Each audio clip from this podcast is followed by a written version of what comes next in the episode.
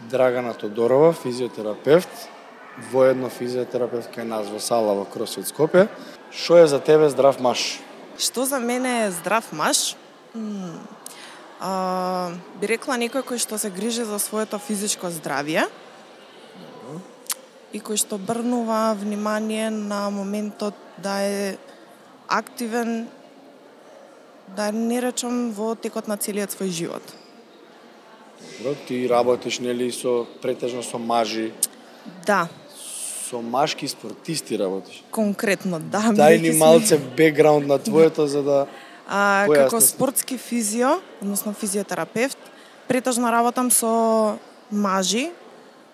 Моментално сум со ракометен клуб, кој што е машки ракометен клуб, така да обкружена сум со мажи цело време. И гледам колку е потребно кога правам споредба помеѓу ем, спортистите и ко, оние кои што, да кажам, не се физички активни, можам да кажам дека м, забележувам многу поголеми да кажам здравствени придобивки кај оние кои што вежбаат. Од за разлика од оние кои што се да не речам улежани така, улежани дома. Чек, и тоа ги приметуваш конкретно во во физи, физиотерапевски некако се Да, да.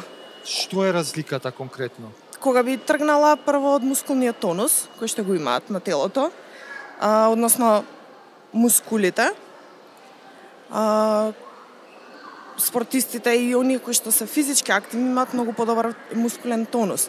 Како што секој кој што вежба има и по, поголема кондиција за не само за тренингот, него и општо за а, целиот секојдневниот живот. Да, Значи да, има да. некои кои што не може да се качат на прв спрат скали. не може да ги да го искачат. Да тргнам од татко ми. Морам. Јавно го прелучувам. Тоа знам дека ме слушаш. Па ако бе што си ја користиш Реално, приликата, реално. еве креваме свесност. Уште една машка фигура да се мотивира. Да. Браво, па што? Мене инаку јас сум нормално цел живот спортист. Жаре исто. Сум бил често, редовно на физиотерапија и сега е тен вака као кец на десетка се погоди случаен. Оти затоа што одма отиде негде кај што и мене често ме интересирало.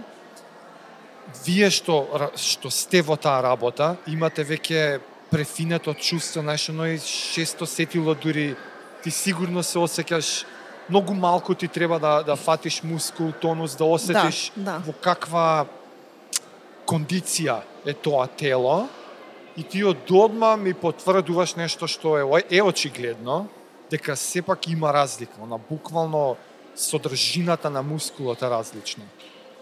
Да. Арно, ама, сепак, колку често ти доаѓаат превентивно, а колку откако веќе им се десило повреда.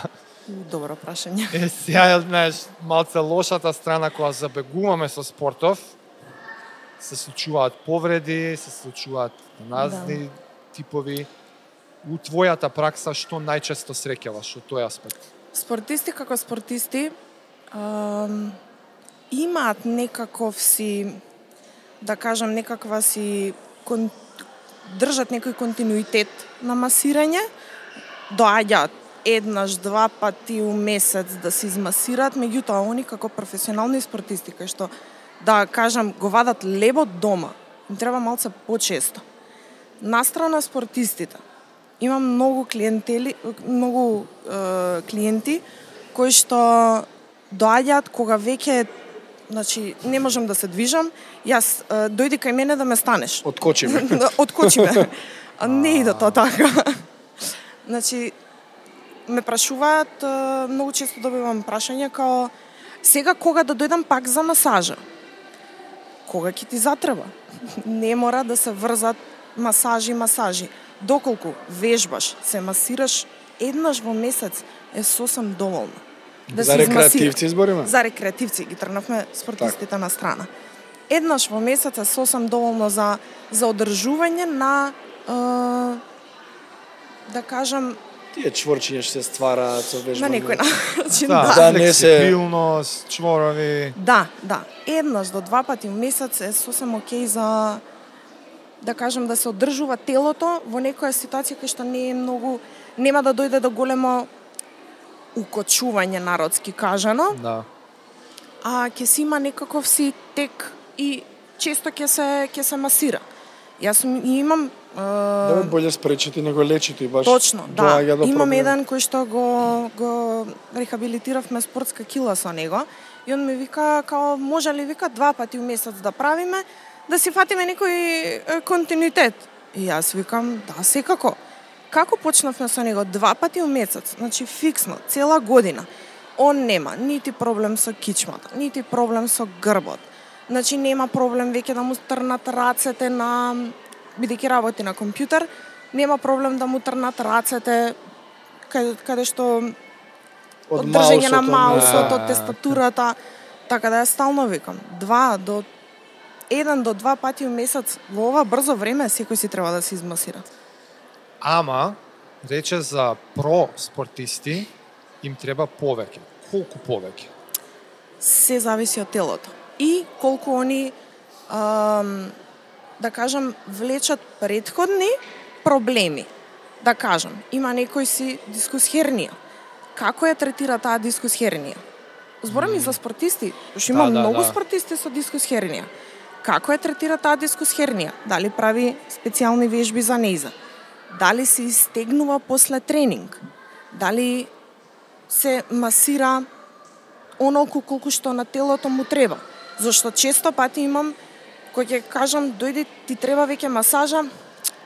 Знаеш, ај ај утре, пошто денеска Ајде, треба да одам на роден ден кај тетка ми не е ни битно. А, Само изговори, изговори и тој утре ќе дојде со други изговори и се пролонгира тој момент на редовно масирање. Е, ама сега па контра, постои ли пре, а, премногу масажа? Доколку е не може да да има контраиндициран ин, контраиндикација од преголемо масирање. Као Значи, се секој ден менува. да иде некој? Невозможно е. Роналдо и Џокович, толку. Ако некој има време, нека дојде да ми кажа за секој ден Не, масирање. како, не, како прашував, така сам си сватив, затоа што самиот физиотерапевт ќе знае Полава што да прави различно секој Да, ден. Нема да, он да. се едно исто да земе да стиска секој Да, да, ден. да, да, да, да. Доколку е појака масажата, не може наредниот ден да се масира истото место. Нема теорија. Да, како Боли веќе од е, од, Од е, масажот. притисокот предходно што сум го направила. Секој ден масажа може да се изработи во ситуација кога има повреда од типот на дренажа на, на местото, кога има оток, тогаш е многу кратко и лесно. Ама целосна масажа има луѓе кои што прават цело време, Ама Имат професионалци пак треба да се или Не би ли рекреативци. си иде Нема на, на релакс нешто така? да. А на релакс. кај нас зборам. Зашто нели А Џокович? релакс кој што се на масира, Еј, чекај, сега ми текна. Тоа што, што се случува? На пример, имаш клиент Добре. кој што ти доаѓа толку редовно. Ептен редовно, секој месец, секоја недела. да. Дали со тек на време ти добиваш уште по-длабоко разбирање на, на неговата конституција? Анатомија, коски мускули и не само тоа и како му како му а, тече тренажниот процес, да му осеќаш и разлики Да, да. И се апсолутно. повеќе го запознаваш до, до преситни детали неговото тело, Апсолутно, што да. после па тебе ти помага. Сигурно не ти е се едно некој прв пат ти доаѓа со рандом проблем и некој што цела година знаеш дека е таков Да, и таков спортист. Најмногу на Веќе пример му го знам телото. да, каде Да. каде има најмногу терет. Овие мускули, у тој у Да, таа коска и Веќе знам кога ќе почнам со масажа, ако некој ми е редовен и кој ќе ми каже, бе, знаеш, овдека малце повеќе осеќам задна ложа, викам, добра, малце повеќе си скокал, може би повеќе килажа си, си сменил, вака така и ми га, еј, да. Значи, ја одма го, одма. се осеќа тоа. Бидејќи ми е редовен и јас можам да му следам е, тонусот на мускулот како му се менува. И сега па обратно, да ми потрудиш дали јас сум се фурал или стварно сум добил таков таков осет. Имаше една сезона кај ш- ја не, не сум про спортиста, ама имаше една година кога тренирав како про И идев секоја недела на масажа. И се знаев со човекот, и он беше физиотерапевт, и правевме комбинации од неколку техники, те јумеихо, те парцијални, те ја возев точак, така да фокусот беше на нозе. Со тек на време, он не ми спомнува, еј тука ти приметувам нешто. Јас се осеќам како што кажате и кога ми стана тоа редовно, никакви проблеми, ништо, никде ништо стегнато. да, да, има континуитет. Како ме масира, на пример, ќе се случи, некоја масажа ме масира, јас сам памтам, минатата недела таму кога го правеше тој зафат, не го осеќав исто како Да. сега, и тоа ми е знак да не случајно ја нешто ептен први рани зна, знаци за некоја акумулација и оп одма чекај си размислувам Да, и да, да, да, да. избегнувам повреди на тој начин Да, се развива и тоа некое екстра чувство. да. Има логика, значи Некој не кој сум што- се фурал. Не, не, не. Не бе, А, некој кој што цело време е терапевт кој што има е, редовен клиент и те како го знае како како му функционира телото и кога се изнервирал, кога се кога погрешно клекнал, каде фатило спазам, каде фатило грч, сето тоа. Многу јак. Да бе, што поредовно се масираш, тоа Ама и помалку ти идеш боли. редовно, така, и ти си идеш. Ја кога се такмичев, 2016 идев еднаш неделно, секоја среда. До Куманово одевме кај Масерваци. И фативме рето три месеца поред. Ја прв пат кога отидов, знаеш како боли, тоа не е реално. Веќе шестиот седмата недела поред, како релакс ја осеќам. Викам ти ме зезаш човек. Дебе вика исто е, вика да умрам, вика исто правам све, вика како првиот пат. Тоа е она изгледа ама тие чворови што ги избори ми се навикнува. Да, телото веќе е навикнато на тој притисок кој што го прави терапевтот и веќе не редовно. е и редовно. Не е прв пат, него е веќе не е волкав чвор, него тој е разбиен, па се направил за, за 7 дена. Колку ќе ја зезнеш работата ако да, не се повредиш? Не може. Една од најголемите, најјаките болки у живот што сум ги имал, било на масажа, На лист. на разбивање, на двете, како се викаат, ти сигурно знаеш, на листот нели има како две ливчиња мускулот Добро. и измеѓу нив средината. Леле, И вика ништо, вика стискај, прави ова ќе мора да не гушкаш масата. Абе ушите ме болеа. Да, ми е исто. познато, од свое искуство познато ми е Дајте молам објасни ми што точно таму се случува, зашто е толку фокусно место за таму секогаш толку сконцентрирано тоа да се случува. Тогаш бев тркач. Да ти Да. дадам пола Е, одговор. па, добро. Готово. Пола одговор да ти Готово. дадам. А, листовите се многу подценети мускули во човечкото тело. Во Тоа го смисла? На страна спортистите. Спортистите ги болат листовите само да ги допреш. Дали они ги Да. приметуваат или не ги приметуваат. Отишле на масажа, не отишле, се измасирали или не. Значи нив ги болат цело време. Нема спортист или некој кој што е и да кажам ам, и редовно што што тренира било што го болат листовите. Тркач тоа е хиловата тетива, тоа припојот позади коленото, тоа е многу, многу терет се се насобира во тој дел и мора да се да се измасира за да може да се олабави мускул. Што точно ми правеше мене таа тогаш пред многу години за мене толку ме боли? Што точно висти, што разбиваше? Малце, са, знам дека може ова три часа Се треба цела книга да, ми дојде во една книги, реченица. Анатомија ќе ти треба, ама еве, најпросто лайк, едно едно делче од мускулот, друго и нешто измеѓу е залепено ли е, што е таа Третира тригер точки. Тригер точки се точки каде што мускулот кога се контрахира, односно кога се обтегнува, да кажам Мгм. лаички, и кога се собира, во тоа цело цело ние имаме константна контракција на Добро. на мускулатурата. На некои моменти, на некои делови од мускулот останува како насобирање на да кажам оние чворови што ги викаме, што е точно тоа? тоа се Ја само знаеш како го сваќам? Вака, се развлекуваат, се враќаат и еднаш погрешно ќе се врати. Влакно. Не, јас замислувам пак, лепак. пак. И се ствара, се ствара, се ствара. Јас замислувам некоја леплива течност Не, за не. главена што треба да се А, Разбие. тоа е таму прави проблем фасцијата. Фасција е се што, да кажам, го обвива човечкото тело. А оние мембраните што се измеѓу сите органи, така? Така некако. Да, она марамицата. Да, да.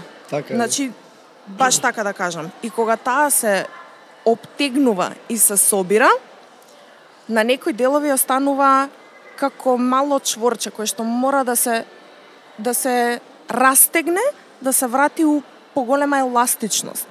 Тие се тие тригер точки каде што се делува за да може да а, да се опушти самиот мускул. Многу е болно. Многу, многу. Многу е болно. Ја ти кажам, едно од нај-нај. Тие што ќе се масирате утре дента немој да мислите дека сте се повредиле. И Да. дека ве зезнал масеро зашто боли бетер. Си кажуваат масерите, сами си знаат. Да. Така? Јас утре дента кривев. Да, бе. Буквално Да, да, криве. да, да, Викам на догаров, шкај ме однесе у кумано и ме зезна, човече ми ја дозезна ногат. Пушти се. Преко еден ден ми вика. Да. Утре дента како магија. Стално викам, наредниот ден Полошо. ќе ме, значи не ќе очи да ми видите. Дента после тој ден ќе речете, а фала ти Драгана. благословијат. фала ти Драгана, златни раце да имаш. Ама додека трае масажата и наредниот ден сите ми викаат, очи да не ти видам. Е, сега, јас сам лично си се имам тешено а, со истегнување. Деме кај веќе кога не идам редовно на масажи, ај бар ќе пробам да правам некоја а, истегнува стреч рутина. Пак се фурам или не, колку си ја одолговлекувам, колку Со си правам добро, знаеш, со со редовни стреч вежби. Со таа стреч рутина, па да не претарам, ама 70% си го леснуваш моментот кога ќе отидеш на масажа да не ти е болна масажата. А, не дека си ја поништувам, ај сега не ми треба. Да. Тоа од моје искуство можам да го кажам, пошто јас треба, стално ама- сум за за тоа истегнувајте се, истегнувајте се, стреч, стреч, стреч, стреч, цело време тоа го зборам.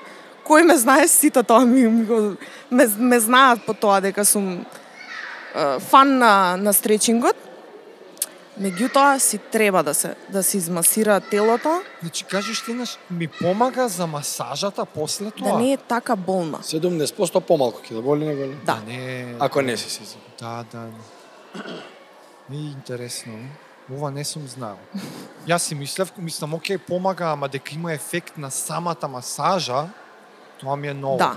Оние кои што не тренираат, не вежбаат, значи не се физички активни и практикуваат стречинг, само стречинг. Значи имам постари луѓе кои што ми доаѓаат, абе јас само се истегнувам дома. Тоа е супер. Пак Као, е не подобро вежбам- него ништо. Да, не вежбам, ама само се истегнувам дома. Супер, практикувај го. Тогаш може би, пошто не е физички активен, да кажам, кросфит, не знам, функционален тренинг, теретана, Значи подобро да се истегнува заради тоа што на тој начин се одржува тонусот на на мускулот. И превенција прави за некаква повреда понатаму. Не дај Боже да се деси. Сега го гледам слоганчето над тебе, прв брак, прв само преглед.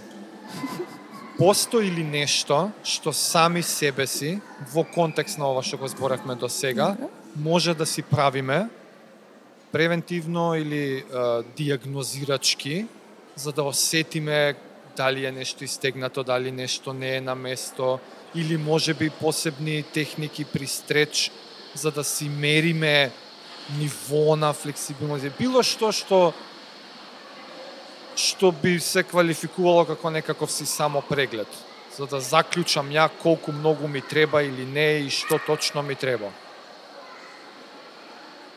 Кога би почнала кога би еве некој да сугерираме дека воопшто не се истегнува и одеднаш почнува слушај, морам да почнам стречинг. Почнува со стречингот. Не може да си ги фати прстите напред. Не може колената да ги допре. Ама е се труди.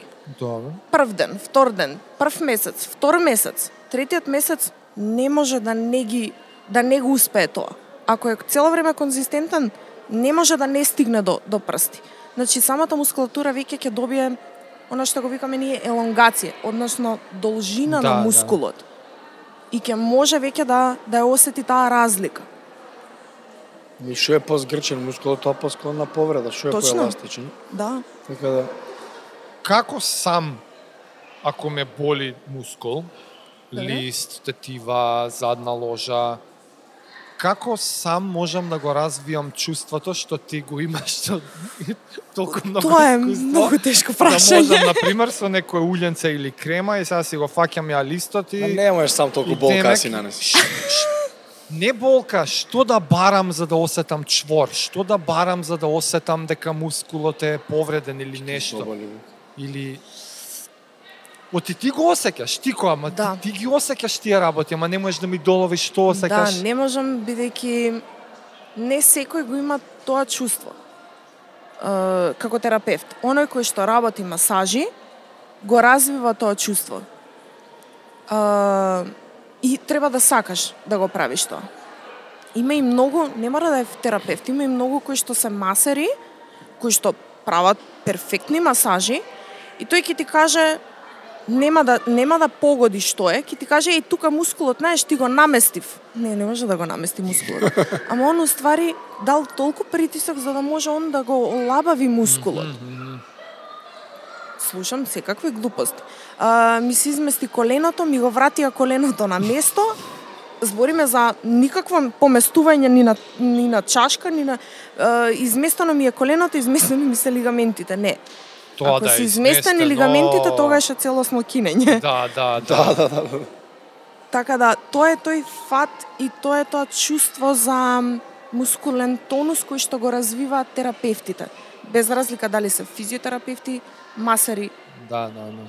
Океј, ништо. Ке сидам на масаж. Тоа да ти прелапа. Затоа сме тука. Сам нема да си осетам чвор. Знаеш колку си имам филмано на времето. Абе, боли човек. Тука, не, не, осеќам, осеќам некоја тачка. Е, тоа е тоа. Па Таа е таа тоа е, тригер де, па точка тоа која е, што тоа е, боли. Не, јас знам кај боли, ама. А како да ја решиш е... Затоа дигам, не можеш сам да си нанесеш толку болка. Драгана, Драгана беше така, Драгана. Драгана, фала ти многу пред да те пуштиме. Во знак на Мовембер креваме свесност. Има ли, сега нормално не опфативме ни еден посто, ама нешто вака што ти одскокнува, што би сакала да го посочиш како нешто да кренеш свесност за нешто од оваа сфера? Спомнавме, стречајте се, спомнавме, правите масажи. Вежбајте луѓе. Вежбајте, Вежбајте, тоа е луѓе. здравје. И никогаш не е доцна за да се почне со вежбање. Стално имам постари клиенти кои што ќе кажат, «А, знаеш, мене ми е веќе касно за вежбање, ја имам 70 години. Не. имам и такви кои што викаат, јас имам не можам вика да да вежбам теретана, ама јас си станувам дома од сабајле и си вртам. Вртам главата, вртам зглобовите, вртам. Тоа е сосем добро. Утре Значи вежбајте луѓе. Па супер порака, никогаш не е Вежбајте луѓе, Браво. Ќе го забиколите докторот многу. Фала ти многу е. Фала многу. Фала и на вас. Чао, чао. Чао. Чао.